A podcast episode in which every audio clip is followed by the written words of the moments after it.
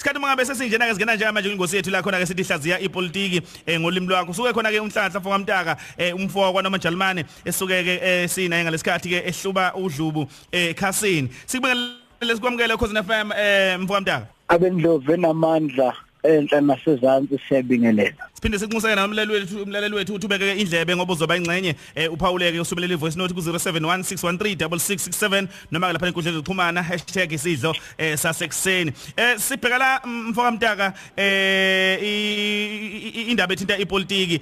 Sibheka ubungozi bezwe neqembu elibusayo leANC ngenxa yenkohlakalo. Sibonile imbiko yabe indaba eh indaba isematheni ikhuluma ngendaba ethinta inkohlakalo nezikhulu ezithintekayo zabaholi abathintekayo kuyo kuyona lenkohlakalo. Eh konke lokhu mfoka mtaka kuyingozi kanjani eh uma ngabe unikubheka ngeso lenu njengabantu abahongoti eh kulezi indaba ethinta ukuphathwa kwazo? Angiqale nje siphendula umbuzo ongenzeka ukuthi omunye umuntu anganawo ukuthi kungani sigxile ku-African National Congress ukhongolose noma ANC singakhulumi ngamanye amaqembu.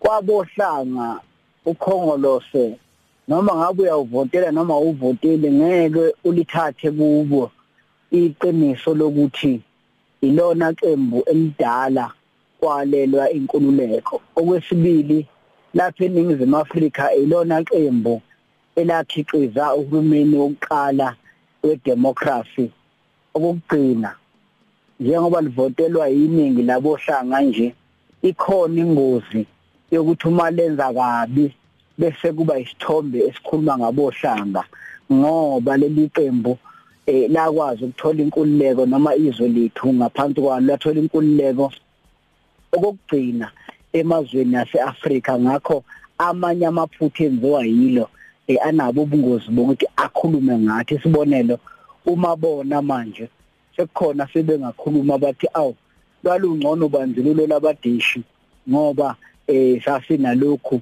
eh uma sekuphethe abohlanga kuba kubi kanje. Ngamafuphi sikhuluma ngokhongolose ngoba iwona weqembu libusayo okwesibili umlando ubeka esigabeni sokuthi uwo okufuneka uvikele isithunzi somzabalazo wethu sonke esingabohlanga ngibuye ke sihlokweni sethu namhlanje sekunesithombe esesakhekile. Ibhantshi leli noma ijazi ukhongolose aseligqoke seliqale kumlingana. Bekuloku kubukuzakala ukuthi engabe ngelakhe yini eh noma ngelabanye abantu. Cha seliqale kumlingana manje. Leli bhantshi eh lenkohlakalo. Sekukhona into eyingozi okufuneke bayilungise. Bayingayilungiseli bona kuphela njengeqembu kepha balungisele nesithunzi somzabalazo wabohlanga.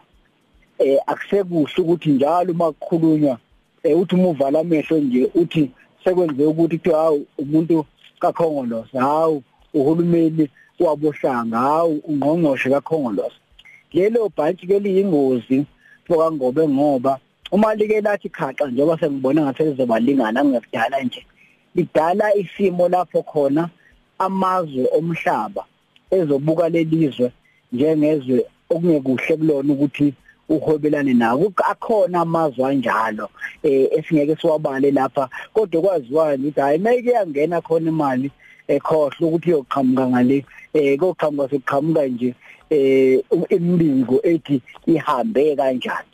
Eh bakhona abaholi bepolitiki emazweni omhlaba okwaziwayo nawuyokwaphatha bona nje khohlwa indaba yemali.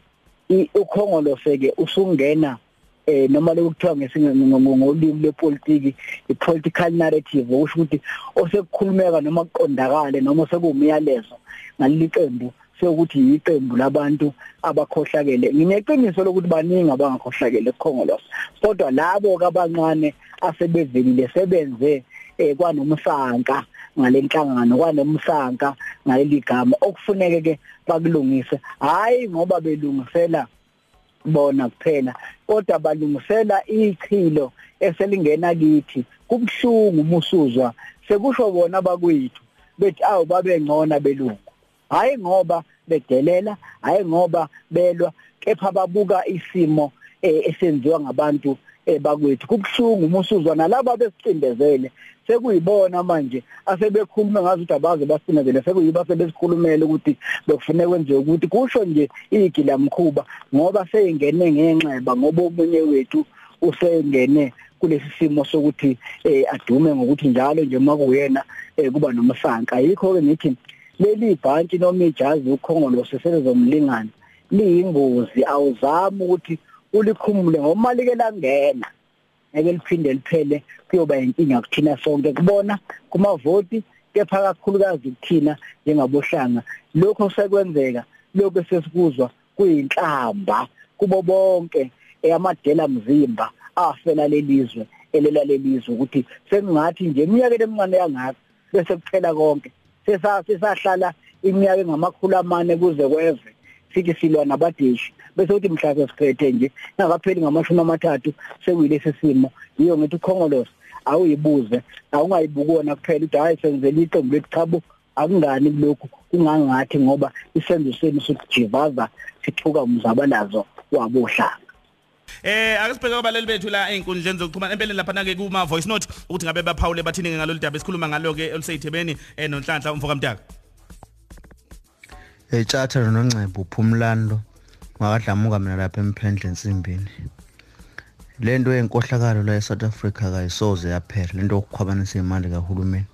Bakhwabanisa ngisho imali yokusiza abantu esifeni ukuthi bengafi bayayikhwabanisa.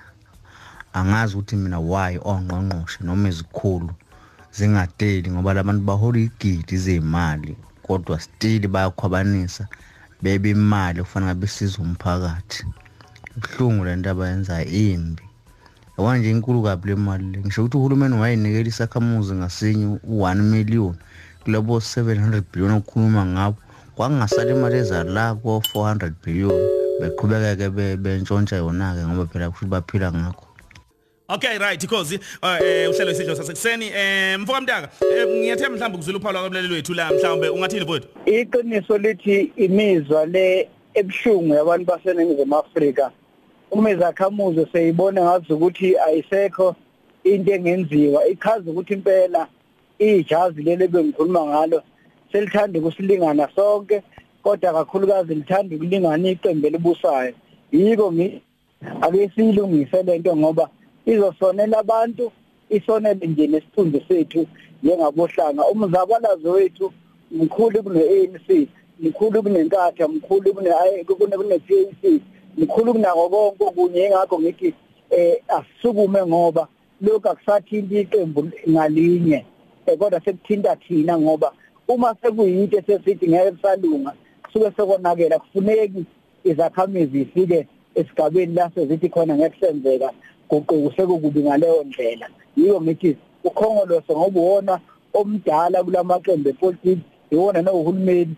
Yibo nabantu bawo bahlale bebanja ake uyilungisa bakithi selithanda ukunilingana ibhanji ya kuyezwakala mfoka mtaka. Kuno kunensizwa la unathi imthetho eshowe. Uthi mfoka mtaka eh siyabona inkohlakala impela ukuthi ivela ngamathenda ikakhulukazi ezweni lethu. Umbuzo ukuthi ke mhlawumbe uhulumeni ngeke akwazi yini ukuthi ayiphathelene imisebenzi kumele ke yenziwe ezweni lethu. Angabanikezi laba eh bamathenda. Lo mbuzo mtaka angazi ungobheka kanjani mfowethu? Iqiniso kuzofuneka kuqhamuka ucwaningo oluthi kungenzeka yini ngoba eh nangu uhulumeni kuthiwa akayiphathela amabhanoyi apha amabhanoyi manje. Nangu uhulumeni kuthiwa akayiphathele kwaEscom uphi weScom ngizama ukuthi eh naye uhulumeni sokhuluma ngelinye ilanga ukuthi konje unawo inamakhono okwenza lokho. Eh zikhona izinto nami engivumayo ukuthi khona la engazenzela khona uhulumeni ayengenza isibonelo eh kulokhu kwamathenda uma kuthiwa iyithende lokuyohlangana umphakathi wakwaNongoma lu20 million eh linika umntaka yini uhulumeni angathengi itende lakhe azenzele yena? Kunokuthi njalo loku enika umntaka lokho kungamenzela imali? Imibuzo kufuneka ibuzwe lo ngoba kulula ukuthi hayi akazenzele uhulumeni unalo yini amakhono okwenza lokho?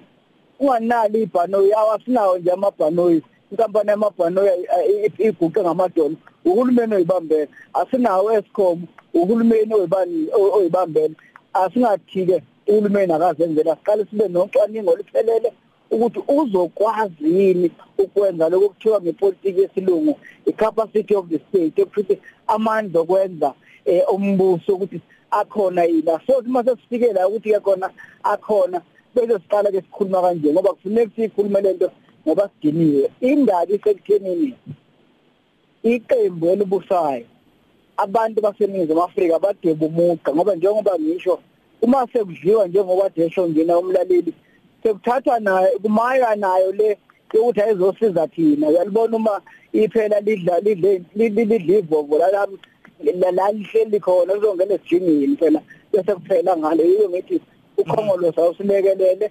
Nathi asiwuphoqe ukuthi uyinake lento singawuphoqi ngoba singamalungu awo siwuphoqe ngoba singabohlaka ngoba njoba ngisho nje lento isiphoqa umzabalazo. Sekukhona imibuzo ezoqhamuka singakwazi ukuyiphendula einganeni zethu engawazi umzabalazo ukuthi kanti nani lela lamachilo? Nani lela kanti lokhu eh yiko ngithi ayisahlangene neqembu elibusayo isingathi le asiligqugquzeli ukuthi kahle phela bhuti omdala nali ijazi selikulingana Okay khona kunye uPaul konelelo wethu la esifisa ukuvala ngakho emnguni ake simuze Sanibona Tshasa noNcebo uthanda yathi likhembisa lo Marisburg Mina ngokwami ngibona ukuthi inkohlakalo ngeke isaphela kwamongameli wethu nje udayisile ngathi liphelile live ngiyabonga.